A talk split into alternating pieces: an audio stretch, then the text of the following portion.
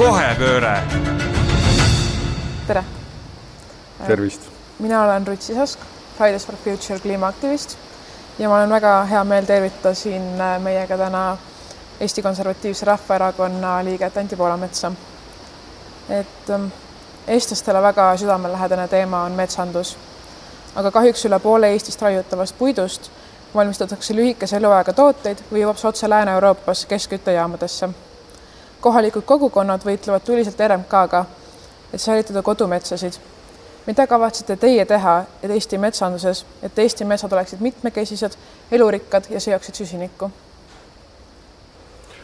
no Eesti metsad seovadki süsinikku päris hästi ja Eesti metsade olukord ei ole üldse nii hull, kui seda vahepeal püütakse esitleda, sest üks hea asi selle juures on see, et meil on metsa, metsa, metsaalade maht kahekordistunud võrreldes näiteks kolmekümnendate aastate lõpuga, äh, mis näitab, et äh, pigem oleme me liikumas päris metsase riigi suunas. et see on see faktoloogia, millest peab alustama aga muidugi meil metsanduses on tegemist küllalt, et need tähelepanekud on õiged, et meil on äh, liiga madal lisandväärtus. Me peaksime tegema ka võimalikult kalleid tooteid, nendest võimalikult vähe ahju ajama. Eest- ja teisalt noh, Eestis on ju Euroopa üks võimsamaid palkmajatööstusi. me oleme Euroopa suurimad eksportöörid selles valdkonnas, mis on väga eriline see on üks väga võimas lisandväärtusega valdkond ja, ja mööblitööstus on selle näide. ja tõesti, tõesti, tõesti, et liiga palju ümarpalki müüakse ei tea kuhu ahju ajamiseks. et kas see on, kas on mõistlik, et pigem mitte, et meil, meil on veel pikk tee minna, et olla Eesti, Euroopa, ütleme kõige suurema lisandväärtusega metsariik. Rootsilt, Soomelt on meil muidugi väga palju õppida ja ka seda, kuidas tõesti rahvamajanduses selle koht säilitada, sest praegu ma näen, et kui tahetakse ära võtta neliteist tuhat töökohta, siis põllumajandusest, metsandusest, siis see on päris ränk hoop Eesti maaelule ehk rohelisele Eestile. ehk sellisele Eestile, kus me saame maapiirkondades ela, elada, sest üks asi on selline tore eesmärk et teeme roheliseks, aga tegelikult inimesed üha kaugenevad maaelust, üha kaugenevad loodusest ja istuvad latte, istuvad ja limpsivad lattet ja nad ei, neil ei ole õrna aimugi, kuidas toidu tootmine käib, kuidas loomakasvatus käib, milline on metsamajandus, et see on isegi hirmutav, kui palju keskmine Eesti inimene on äh, kaugenenud maaelust ja sellest tegelikkusest, mida veel ütleme, meie vanaemad tundsid väga hästi, sest kõikidel oli oskus peaaegu aiandusega tegeleda, kartulit maha panna. Ma kohe lähen ka toiduteemade juurde edasi, aga kui te ütlesite, et äh, raiemahtude suurus ei ole probleem, et teie valitsuses olemise ajal tõusid raiemahud umbes kolme tuhande hektari võrra, et kas seda võib oodata ka siis, kui saaksite seekord valitsusse? Äh, Eestis on kaitsealuste metsade hulk äh, Euroopas äh, neljandal kohal oleme siis kaitsealuste metsadega ja seda on päris palju. Et me tõesti ei ole põhjust nuriseda, et meil oleks vähe kaitsealust piirkonda. ja see konflikt tegelikult metsaomanike ja kaitsmise vahel on päris suur, et äh, tegelikult konfiskeeritakse sisuliselt väga paljudel varad. Öeldakse, et te olete jah, siin kolm põlvkonda oma metsa kasvatanud, aga, aga me ei anna teile seda. Te ei saa oma lap, lap, lapsi ülikoolis äh, näiteks äh, koolitada, sest me võtame teilt selle metsa ära. siin oli üks lendorav kunagi ja kogu lugu. et see konflikt üha süveneb selle laieneva kaitsemajanduse üle. küll aga mida võiks veel teha kaitsealuste metsade osas, siis mina eelistaksin pigem võtta kaitse alla näiteks vanu hiiekohti, mis on meie muinsuskaitse ja looduskaitse pärand korraga, mis on väga unikaalne, mis on väga eriline. et siin on töö tegemata, et väga vähesed looduslikud pühapaigad on tegelikult kaitse all, me võtame suvalisi kohti kaitse alla, kus kaitset ei pruugi üldse vaja olla. Ja oma tuhandeaastased erilised pühapaigad jätame tähelepanuta, et siin on ka näide sellest, kuidas me, me ei kaitse eestlase vaatenurgast oma loodust, vaid me ostame need ideed sisse ja oleme kergelt manipuleeritavad. et me ei aja Eesti huvidest lähtuvat keskkonnapoliitikat. nii et ma saan õigesti aru, et raiemahtude vähendamine otseselt ei ole teie jaoks oluline? see ei ole praegu väga suur teema, küll on minu, minu enda arvates oluline, et äh, raiete kvaliteet oleks kõrge, et oleks taasmetsastamine korralik, sest äh, mets taastub üsna kiiresti äh, aga selle üle oleks ikka väga korralik järelevalve. eraomanikud muidugi on ise ka huvitatud taastamisest, aga noh, vahel neil ei ole jõudu, oskusi, tarkust. ehk see mets tuleks kiiresti peale ja siin see on jälle väga suur töö järelevalve mõttes, et kontrollida, kui kvaliteetselt käib taasmetsastamine. Et jumala eest ei tekiks lihtsalt tühermaid, mõttetuid tühermaid, mis, mis on lihtsalt võsa täis et äh, tõite esile ka töökaotuse, et kas just lisandväärtuse loomine ja uute tehaste loomine oleks näiteks üks viis, kuidas lahendada seda äh, töö, tööpuudust siis? no aga muidugi, et äh, vaadake maal ringi, väga paljudes väikestes kohtades on mitte ainult üks puitmaja tootmise ettevõte, vaid lausa mitu ja nad on kõrvuti ja konkureerivad ja see näitab, et need annavad ju väga häid normaalse palgaga töökohti juurde. ja viimasel ajal, siin koroona ajal minu meelest see langes, see ekspordimaht ja, ja sellest on väga kahju, et eks pigem turgutama, sest see on üks valdkond, mis meile rahvamajandusele raha toob ja maale töökohti loob tõepoolest ja neid näiteid on palju, sest on ka moodsaid tehnoloogiaid, mis tulevad peale, kust puitu saab võimalikult intelligentselt tõhusalt ära kasutada. materjaliteadus pakub meile päris palju võimalusi selleks. Te mainisite ka põllumajandust ja toidu kasvatamist, et äh, meie praegune toitumisviis ei ole jätkusuutlik. taimekaitsevahendid nohuks nii meile kui elurikkusele. Loomakasvatus on ääretult saastav ja ressursimahukas. sellest hoolimata raisatakse igal aastal Eestis umbes sada kuuskümmend seitse miljonit kilogrammi toitu. kuidas on erakonnal kavas vähendada raisatud toidu kogust?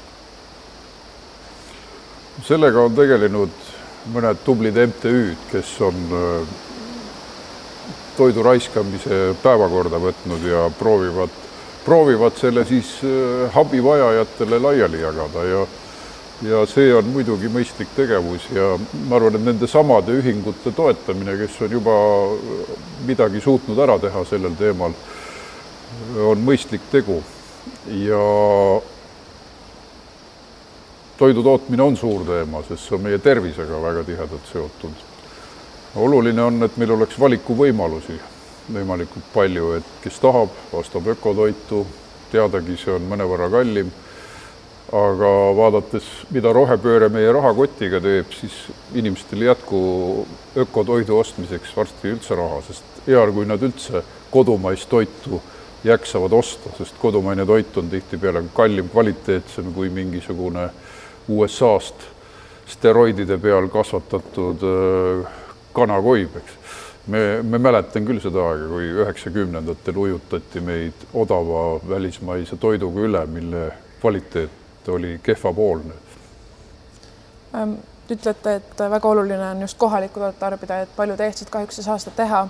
mis on teie sammud, äh, kuidas, kuidas jätkata siis põllumajandust jätkusuutlikumalt ja inimestele odavamalt? no see tähendab üleüldist maaelu toetamist ja mõtlemisviisi, et kogu elu ei toimu ainult Tallinnas.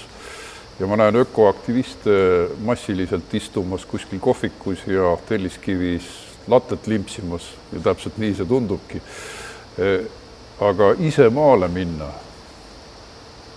vähesed, vähesed, kes seda teevad ja tunnustan neid, kes võtavad jalad selga, teevad sinna maakooli isegi näiteks Karula rahvuspargis lastele, ehitavad seal talu maakodu üles või loovad töökoha, et see on väga õige eeskuju näitamine, mina, mina olen seda ka teinud, maale elama läinud ja tegelen loomakasvatuse, loomade kasvatusega ennekõike, turismindusega, külaelu edendamisega, et see on üks eeskuju, eh, mida me võime anda kõik, eks ole, selle asemel, et ökojuttu rääkida, vaid teha midagi praktilist.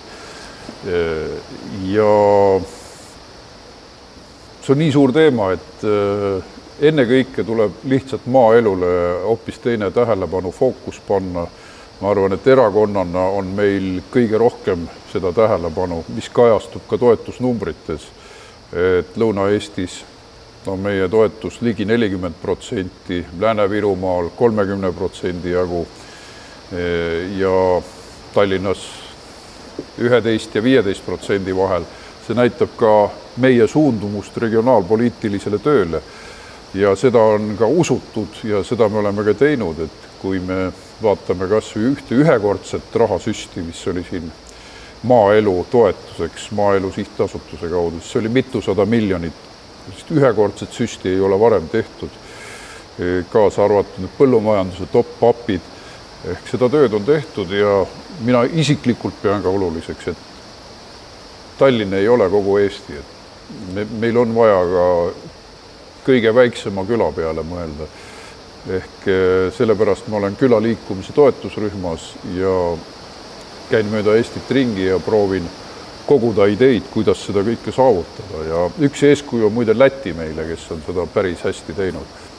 peale eeskuju näitamise, mis on veel mõned konkreetsed sammud, mida saab teha iga inimene eh, Eesti väikekohtade toetamiseks siis? ikkagi ma alustan selleks, sellest, et tänane ka selline maailmapoliitiline olukord ja hiljutine, hiljutine koroonakriis õpetab meile seda, et küll on hea, kui inimesel on maal kas või suvila, kus ta paneb käe mulda, kui Tallinnas paneelmajasse ei õnnestu või Annelinnas. ehk see isikliku teoga külaelu ülesehitamine on väga suur, väga suur asi, sest kui keegi mingi noor pere, mõni noor pere läheb maale elama ühte külla, siis võib-olla need ainukesed väikesed lapsed, kes seal elama hakkavad või kasvõi suvitama hakkavad, sest Eesti külad ju massiliselt äh, lihtsalt tühjenevad, sest jäänud on ainult vanad inimesed sadadesse ja sadadesse küladesse. me teame, et neid varsti ei ole enam ja ma näen äh, siin väga suurt puudust. Äh, et selle nimel ei võidelda, et meie sihik on täiesti vale ja meie ökoaktivistide sihik on ka vale, valesti seatud enamasti, et just seesama Eesti küla on tähelepanuta, looduslähedane eluviis on tähelepanuta. küll on tohutu tähelepanu sellel samal energia- ja kliimapoliitikal, mis on eksitee loomulikult. me kindlasti tuleme kohe ka energiateemade juurde, aga räägime siis, nagu te peate oluliseks indiviidi tasandit ja just kohalike inimeste tasandit. meil on nüüd praktiliselt võimatu vältida ühe koma viie kraadilist kliima soojenemist. Eestit juba praegu kimbutavad kuumalained, paduvihmad, seega ei saa enam ära rääkida kliimakriisi täielikust ärahoidmisest, aga saame seda siiski selle süvenemist piirata. millised on teie plaanid kliimamuutustega kohanemiseks, et Eesti inimesi just kõige hullemast päästa? Kõige tähtsam kohanemine on näiteks sellise vihmaga vihmavari võtta või siis talvel soojad riided panna. et see ongi kohanemine. ehk ma teie väitega ei nõustu, et see kliima soojenemine on kuidagi inimtekkeline ja hirmus. täiesti normaalne protsess, tsükliline, normaalne maa kliimamuutuste protsess, mis käib kogu aeg üles-alla ja paraku isegi kliimateadlased ei suuda päris selgelt eh, ette ennustada, kuidas need tsüklid käivad. et ma kogu selle kliimapaanikaga nõus ei ole, ka meie erakond ei ole. ja ma arvan, et sihik on seatud täiesti valesti. aga ma arvan, et paljudest inimestest, kes täna on kliimaaktivistid, võib-olla saavad tublid eh, külaliikumise aktivistid ehk nad leiavad eh, kunagi, kui see kliima, kliimapaanika lõpeb, ja see visatakse prügikasti, siis neil on ikkagi tekkinud hinges mingisugune kena, kena aken selleks, et minna näiteks looduse keskel elama, mõni talu üles ehitada. kas ma võin küsida, millele või kellele toetudes te väidate, et kliimamuutust ei eksisteeri või et see ei ole inimtekkeline? No teil on võimalus kõiki nende, kõikide nende teadlastega tutvuda, et ma hiljuti vaatasin just seda maailma kliimadeklaratsiooni, see, sinna oli alla kirjutanud tuhat kakssada erinevat, erinevat teadlast, poliitikut ja, ja teisi erineva ala eksperte ka. Nendest paljud kliimauurijad, geoloogid ja teised. ehk selle nimekirja järgi tasub ilusti käia, võtta nende seisukohad välja. on raamatuid, mis on ka eesti keeles ilmunud. näiteks Dan Eastbrooki raamat Päikese mõjust kliimale, mis ongi kõige tähtsam meie mõjutaja, meie kliima mõjutaja. Eesti keeles on kirjandust muidugi vähe, aga meie inimesed on mitmekeelsed ja saavad näiteks erinevaid parimaid lääne autoreid lugeda. Björn Lomborg, väga hea kirjutaja, Taani ekspert, kunagine Greenpeace'i aktivist muide, kes on väga kriitiline selline inimtekkelise kliima soojenemise paanika suhtes. väga hea lugemine, teda ma loen peaaegu igapäevaselt. nii et sealt tuleb vägagi ratsionaalset ja head analüüsi, kriitikat nende vaeste jääkarude kohta, kelle arv sugugi ei vähene, nende samade tormide ja möllude kohta, mis ei ole sugugi hullemaks läinud, vaid viimati esitas ta andmestikku, mille järgi katastroofides on saja aastaga ohvrite arv vähenenud üheksakümmend kaheksa protsenti. mitte kasvanud, vaid vähenenud Need on väga olulised andmed, mis, mida hea meelega kliima, kliima siis peavool eh, tahab kangesti vaiba alla pühkida ja, aga ma arvan, et nad kaotavad oma teaduslikus argumentatsioonis varem või hiljem, sellepärast et inimtekkeline kliimamuutus on müüt. ma tutvusin teie kliimadeklaratsiooniga, see oli väga huvitav lugemine ja ähm, seal toodud faktid on suures enamuses ümberlükatavad ÜRO erinevate deklaratsioonidega. samuti ütles meie praegune keskkonnaminister, et äh, viimaste aastatega on tehtud umbes kuuskümmend neli tuhat uuringut kliima ja keskkonna kohta. Nendest vaid viis väidavad, et äh, kliimakriis ei ole inimeseotud või inimtekkeline. kuidas te sellele vastu vaidlete? vaadake, teaduses piisab isegi ühest teadlasest, et äh, bluff või vale ümber lükata seda on juhtunud küll ja küll. mäletate, kuidas Kopernikus tuli kunagi ja e, lükkas selle müütilise maakeskse teooria ümber ja kõik ohhetasid ja, ja ründasid. mäletame, mis Galileoga juhtus. piisab ühest julgest teadlasest, kes vilistab mängu katki ja minu kõige suurem lugupidamine nendele, kes julgevad seda teha ja sellise poliitiliselt äh, juhitud globalistlikule projektile lihtsalt ei öelda, noh, olla kriitiline eh,, analüüsida oma peaga ehk massi järgi karjas jooksmine, seda inimkonnaga juhtub muidugi väga tihti, aga teadus ei ole selline karjainstiktil põhinev tegevus tegelikult, vaid teadus on teadus ja seal loevad ka ühe teadlase argumendid.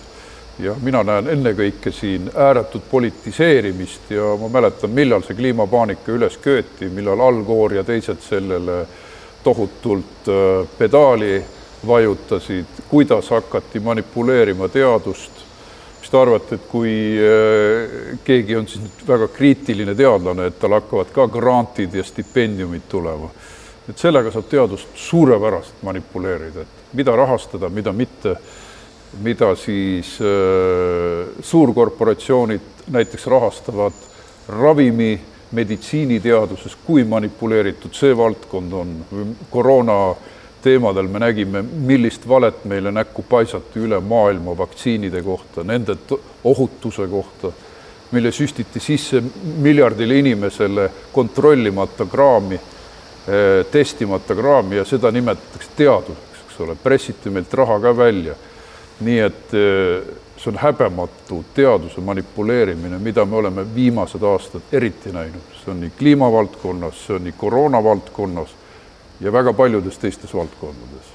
aga teadusel on mõned head omadused, et tal, tal on isepuhastavad toimed, et ta aeg-ajalt suudab ennast sellistest äh, krampidest või vaimsetest krampidest välja murda ja selleks on vaja julgeid teadlasi, kes ütlevad, mul on oma arvamus.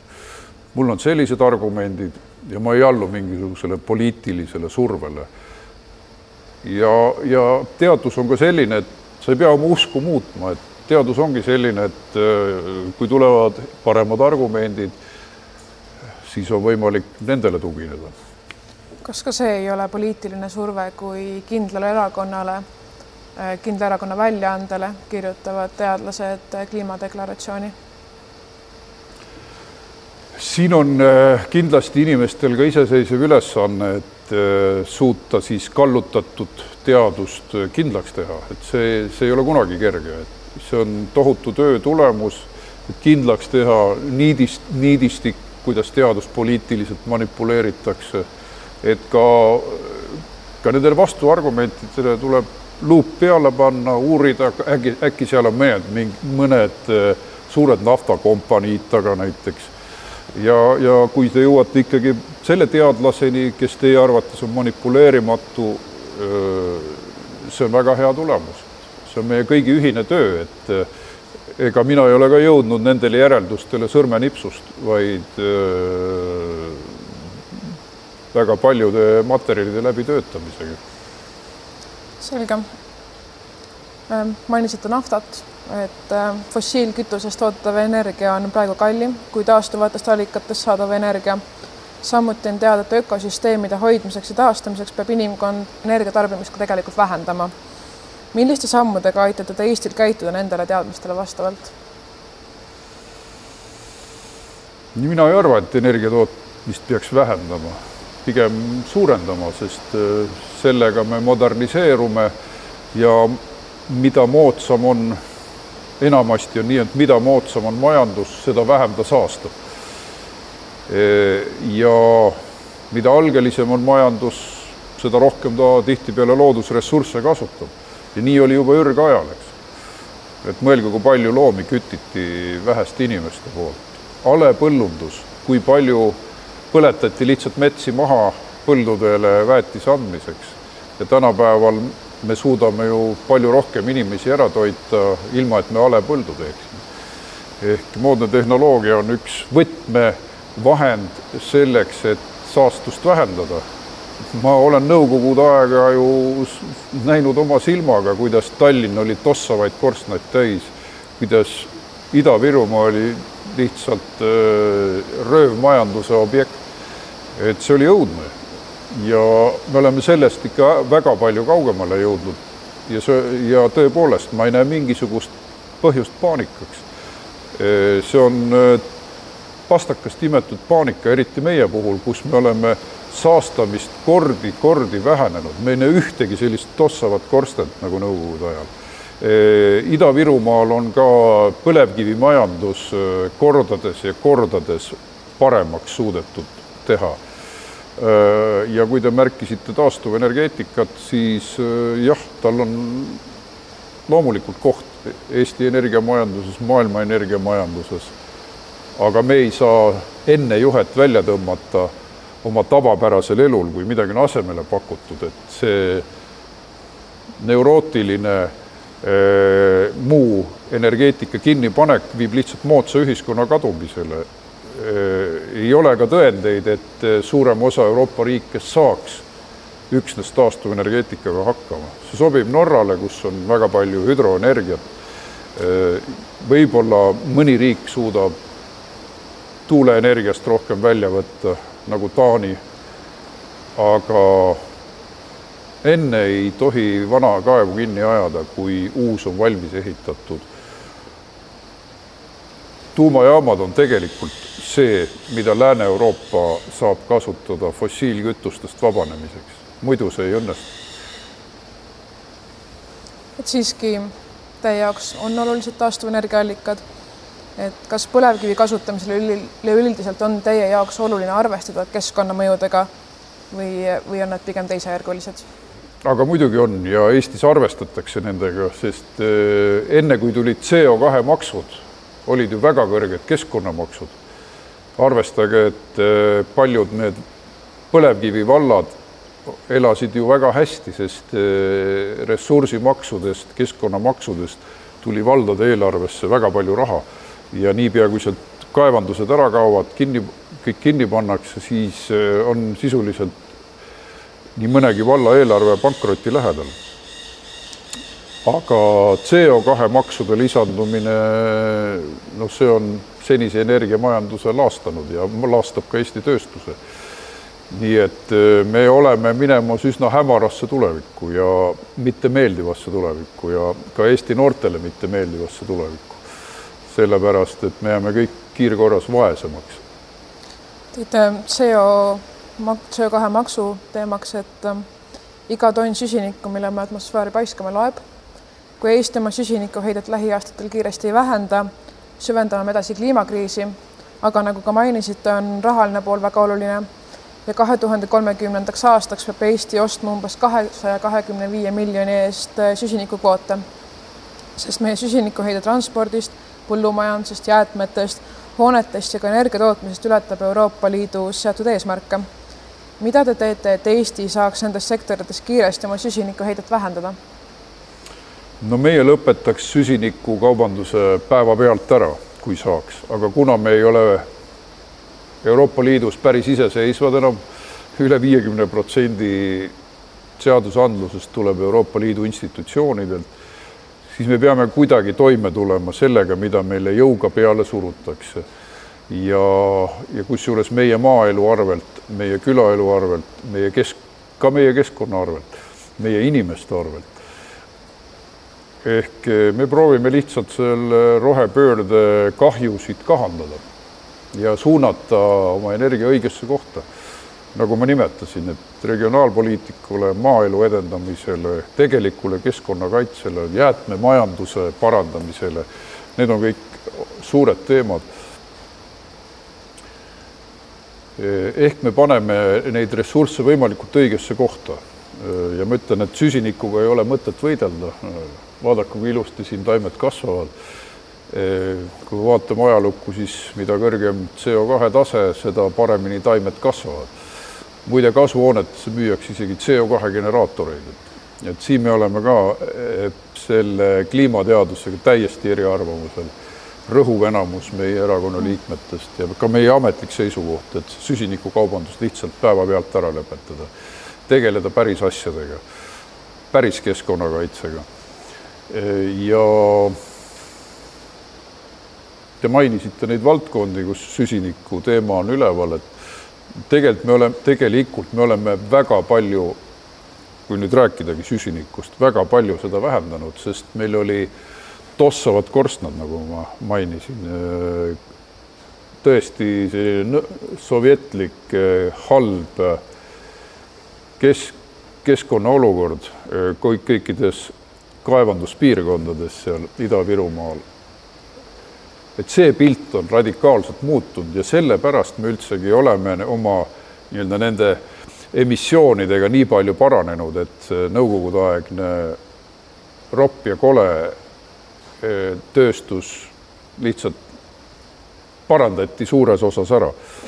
aga muidugi kaevandamine on igal juhul keskkonnamõjuga, see ei kao kunagi. Ja siin tuleb lihtsalt teha otsus, kas inimestel on vaja elektrit või ei ole ma arvan, et enamus tahab seda ja, ja nagu ma ütlesin, et et ökoaktivistidest ainult murdosa on nõus maale elama minema, seal mõne töökoha looma.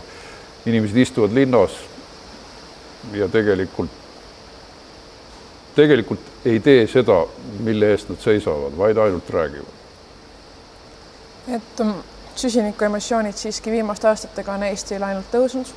Ja kui see nii jätkub, siis äh, mis mulle tundub, et on teie plaan, siis kahe, kakssada kakskümmend viis miljonit eurot peab maksma kaks tuhat kolmkümmend aastal Euroopa Liidule, et äh, sellega võitlemiseks siis teie erakonnal ei ole mingit plaani?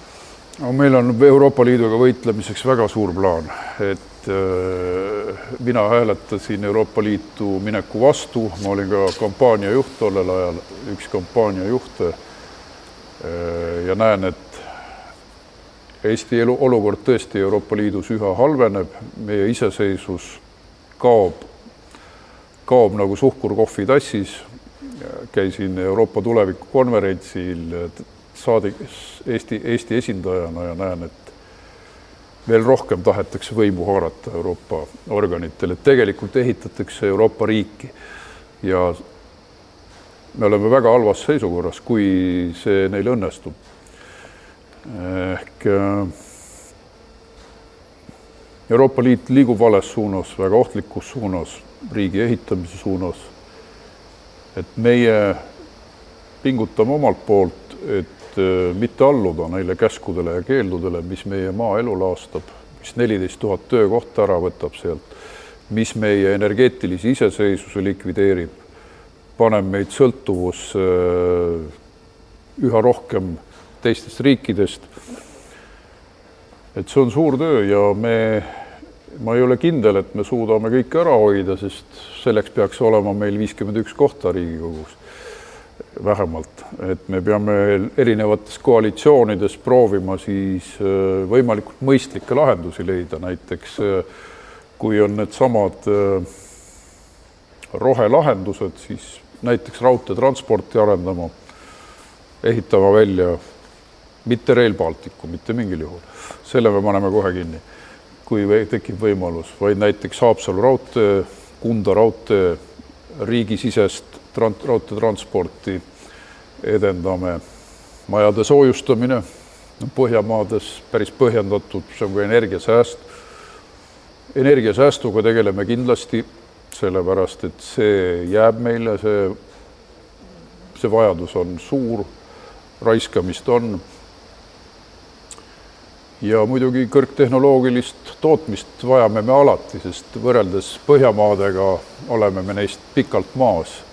Ja seda igas valdkonnas, et nii me saamegi jõukamaks, et mida vähem me sellist lihtsat tööd teeme, seda parem. Ja ja siis kui need rahad liiguvad, siis ma arvan, et jällegi intelligentset keskkonna, keskkondaga seotud tootmist arendada näiteks äh, petikate kasvatamine äh, erineval otstarbel, Eestis praktiliselt välja arendamata valdkond, aga väga põnev tehnoloogiline suund. Eestiga koos tehtud äh, otsuseid Euroopa Liidus me siin muuta ei saa hetkel. Et otsus on juba langetatud, kui Eesti kvoodid ei vähene, siis kaks tuhat kolmkümmend me peame siiski selle raha maksma ehk kui EKRE saab äh, valitsusse, kas on oodata seda, et Eesti inimesed peavad seitsme aasta pärast maksma kakssada kakskümmend viis miljonit Euroopa Liidule? teate, see on saiaraha, kakssada kakskümmend viis miljonit, võrreldes sellega, kui palju meilt ära võetakse äh, energeetilise iseseisvuse arvel. et me lihtsalt invaliidistume majanduslikult juba praegu, te nägite, mis suvel toimus ja globalistlikud erakonnad plaksutavad käsi, et oi, Eesti inimesed ei jõua arveid maksta, ongi väga hea. las õpivad, tulevadki meil vaba turu propagandistid Reformierakonnast ütlevad, nii ongi hea, küll õpivad, eks ole, see on julm, julm suhtumine oma inimestesse, kes ei suuda ravimeid osta, kes ostavad kõige odavamat toitu, kes äh, kolivad väiksemale pinnale, eks ole me oleme seda nõukogulikku vaesust näinud küllalt ja nüüd tuleb see kommunistlik ideoloogia tagasi tegelikult, et vaesus on kõige parem asi, minge aga, minge aga sööge vähem ja sööge putukaid, et et seda, seda ma olen kõike oma silmaga näinud, eks ole, seda nõukogulikku hullu vaesuse propagandat. ja nüüd noored inimesed isegi ei saa absoluutselt aru, mida neile planeeritakse mida, mida, kuidas nendega manipuleeritakse, et see on julm globalistlik äh, manipuleerimine kogu Euroopa majanduse kallal, isegi võiks öelda kogu lääne kallal, sest Hiinat ei huvita see sendi eestki. Nad võtavad kogu selle tööstusliku lääne üle, viivad tootmise sinna. Venemaa võib samu trikke teha, ehk töötatakse autoritaarsete režiimide heaks sellega, et pannakse oma kõrgelt arenenud tööstus kinni. et ähm, tõite, et vaba turg on Reformierakonna loosung ja kommunism on mujalt tulnud, et ähm, teaduslikult on saanud selgeks, et SKT kasvu jahtimine toob kaasa elurikkuse hävingu. mida te plaanite selle teadmise valguses teha, et järgmise nelja aasta jooksul Eesti majandus oleks stabiilne, aga siiski keskkond ei hävineks koos sellega? aga Eesti keskkond ei hävinegi, Eesti keskkonna seis on äh, küllaltki normaalne, küllaltki normaalne keskkond hävineb äh, päris intensiivselt seal, kus on ülerahvastatus. Meil on juba tekkinud alarahvastatus, meie sündimus on aastakümneid ja aastakümneid miinuses ja muidugi kolon-, enest, ennast koloniseeriv rahvas plaksutab veel selle peale, et me oleme väljasurev rahvas. seda globalistid tahavadki, et meie noored ütleks, et ei, meie, me, kliima on, kliima hävib, meie lapsi ei saa, vot meie oleme eeskujulikud eestlased. seda nad meilt tahavadki, see on üks peamisi globalistide eesmärki Eh, lammutada, eh, lammutada tegelikult lääne ühiskonnad eh, sellisena, nagu me neid teame. ja Eesti ülesanne on esiteks tagada oma inimeste elementaarne toimetulek, sest see on löögi all praegu. Elementaarne toimetulek, et nad suudaksid üldse elektri eest maksta. kui mitusada tuhat inimest küsib kohalikest omavalitsustest abi, siis, siis, siis kogu see poliitikute kamp on tekitanud meil äh, vaesuskriisi, mida pole nähtud kolmkümmend aastat, kus inimesed peavad minema kerjama oma, kohalikest omavalitsustest selle eest, saaks elektripirni raha ära maksta. Äh, või siis osta mingisugust viletsat toitu, selle asemel, et kvaliteetset toitu osta, vot see viimane aasta on just seda tüüpi aasta. Euroopa kõrgema inflatsiooniga aasta, mis on rõhuvas enamuses rohepöörde tagajärg, CO2 maksude tagajärg. E, meie tagame kõigepealt inimeste toimetuleku, sest putukatel on Eestis väga hea elu. Me võime muidugi muretseda ka Aafrika pärast ja anda neile nõu, kuidas vältida ülerahvastatust. miljonid, sajad miljonid, eks, ei suuda korralikult ennast ära toita peres on kaheksa last, aga nad ei suuda end ära, ära toita ja neid siis kliimanoored ja ökoaktivistid ütlevad, kolige Eestisse, kolige Euroopasse, siin on tore olla, eks. või siis maksame selle kõik kinni, eks. ehk see arenguabipoliitika on muidugi ka täiesti hullumeelne.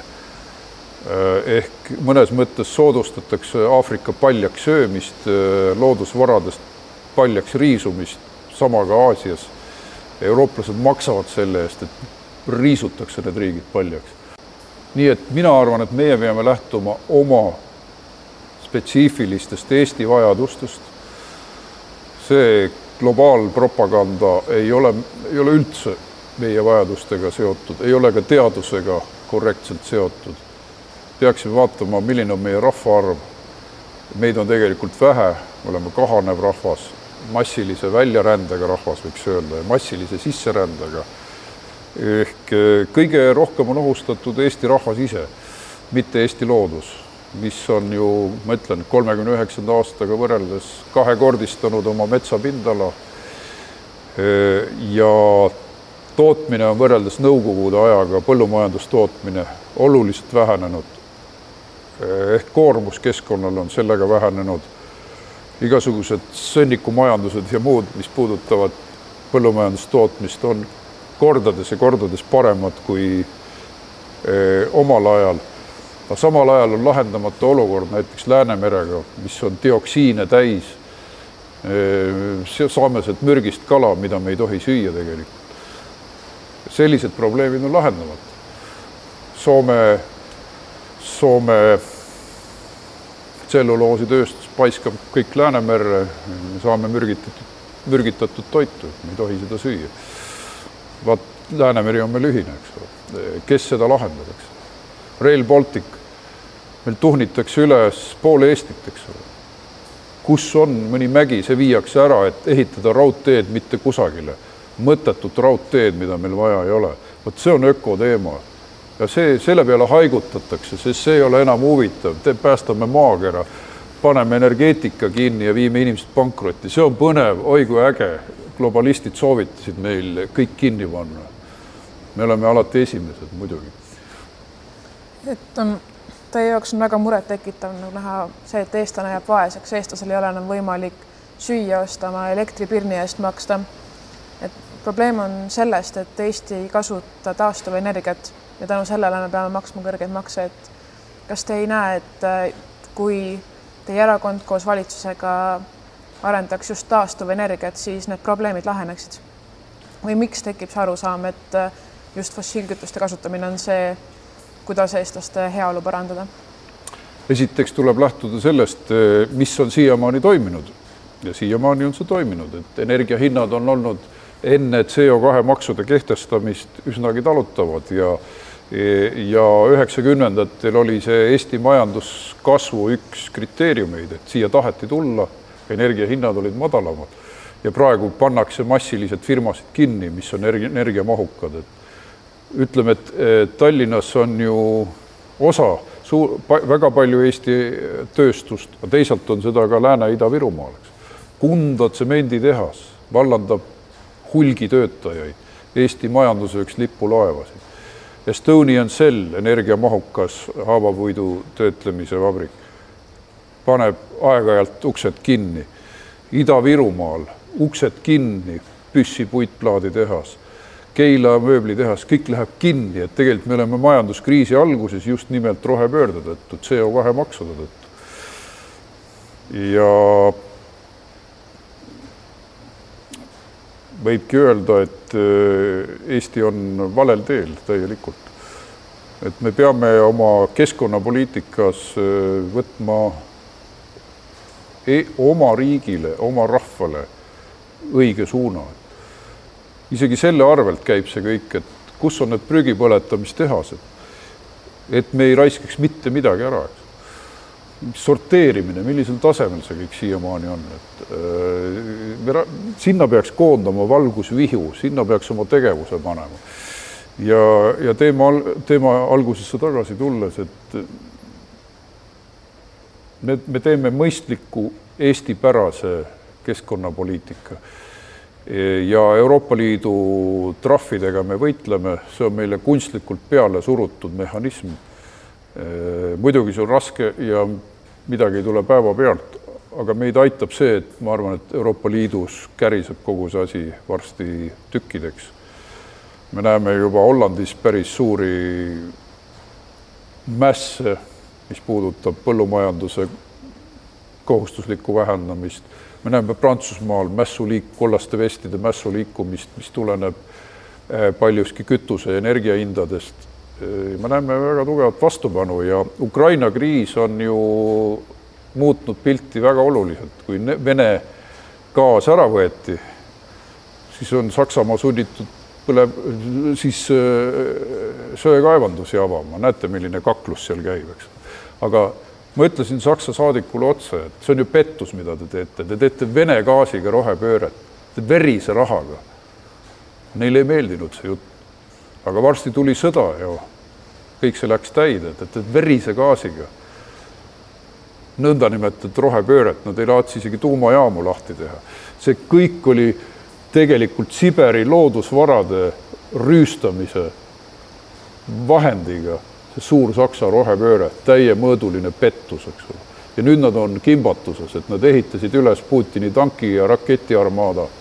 mida teha, nad ei oska midagi teha ja sealt hakkab ka rohepööre kokku kukkuma, sest äh, varsti hakkab, varsti hakkavad Saksas, Saksamaal tuled vilkuma ja vilguvad ju. praegu siiski peame me kliimakvoote ja süsinikumakse maksma, mis on teie konkreetsed sammud, et Eesti inimene ei kannataks nende pärast? kui me ei, ei tee rohepööret?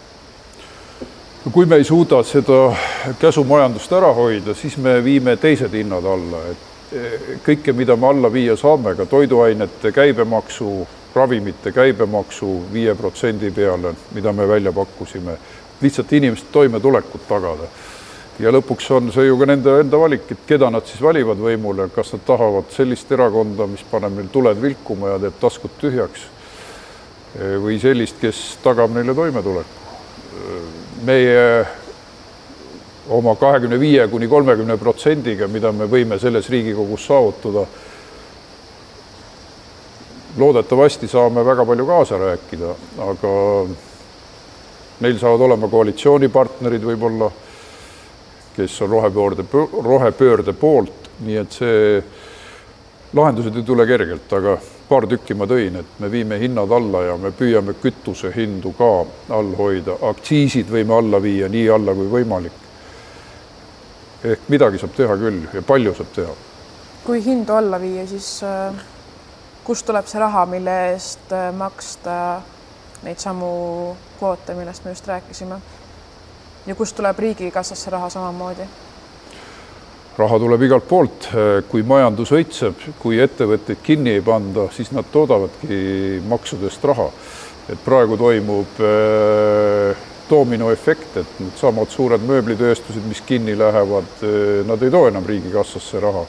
kui me kõiki tarbimisi piirame, siis laekub vähem käibemaksu. igatepidi jääme me vaesemaks. ja miks just rohepööre kergitab hindu ja tekitab võimsa inflatsiooni, on see, et sisendid lähevad kalliks, elekter, diislikütus, bensiin, toasoe, kõik nad lähevad kalliks ja selle tõttu jaksavadki inimesed vähem tarbida, on ettevõtted nõrgemad, et mida odavamad on sisendid seda paremini neil läheb. ja, ja loomulikult olemegi keerulises olukorras, et, et raha tuleb leida ja raha tuleb leida sellega, et me laseme oma tööstustel ellu jääda. et Keskkonnaministeeriumi ametnikud või ei tooda eriti palju lisaväärtust, vaid pigem piiravad seda päris kenasti Lähme viimase küsimuse juurde, et rääkisite Rail Balticust, ehm, sellele te olete küll vastu, aga mainisite, et just Eesti-sisene äh, raudtee ühist, nagu ühistransport, rööbastransport, kõik see süsteem peaks olema paremini välja kujundatud. et samas oleme ainus automaksuvaba Euroopa riik. et ütleme tihti, et automaksu ei saa kehtestada enne, kui ühistransport on korras, aga kust tuleb see raha, et ühistransport ja just seda raudteede ehitamist äh, toetada? noh, nii kallis see ka ei ole, mis puudutab äh, Haapsalu raudteed, see valikute küsimus, kuhu raha panna. ja ka Kunda raudtee, kõik see oleks tehtav ja ka roherahasid saab selleks kasutada. aga Rail Balticu jaoks me ei paneks, sest see on ebaratsionaalne raudtee. Ta on raudtee ei kuhugi, ta on paralleelraudtee, ta raiskab tohutult maavarasid ilmaasjata. et kui juba selline raha oleks saadaval siis äh, pigem me teeksime siis, arendaksime äh, Tartu-Valga suunda Riia peale, et siis seal kiirusi tõsta. aga laias laastus, vaadates ka reisijate hulkasid, siis äh, sellist kiirraudteed vaja ei ole. piisab siis..., kui me tõstaksime Tartu-Valga suunal rongide sõidukiirust, mugavust ma arvan, et see ajab hästi täiesti asja ära ja ma sõitsin seda liini suvel. ma jõudsin Riiast Valka ja lõpuks olime me vist nelja-viiekesi, viiekesi ainukesed inimesed, kes sinna tahtsid sõita. nii palju siis sellest hiiglaslikust äh, superprojektist, mis meenutab tõesti Nõukogude aega, et kuskilt ülevalt poolt sopsutatakse raha ja öeldakse, tehke midagi lolli, tehke midagi rumalat. tehke seda, eks ole nii nagu Nõukogude Liidus tehti selliseid hulle projekte, hulle tehaseid Eestisse, mis jätsid saasta siia ja millest Eestil ei ole mitte mingit kasu. et Nõukogude röövmajandus või selline rumal majandus paraku hiilib uksest ja aknast jälle sisse. ja mina soovitan väga lähiajalooga tutvuda. see tuleb kõik tuttav ette. selge, ma tänan teid Äh, saime väga huvitavaid ideid ja tutvuda natukene Konservatiivse Rahvaerakonna programmiga ja edu valimistel! aitäh teile.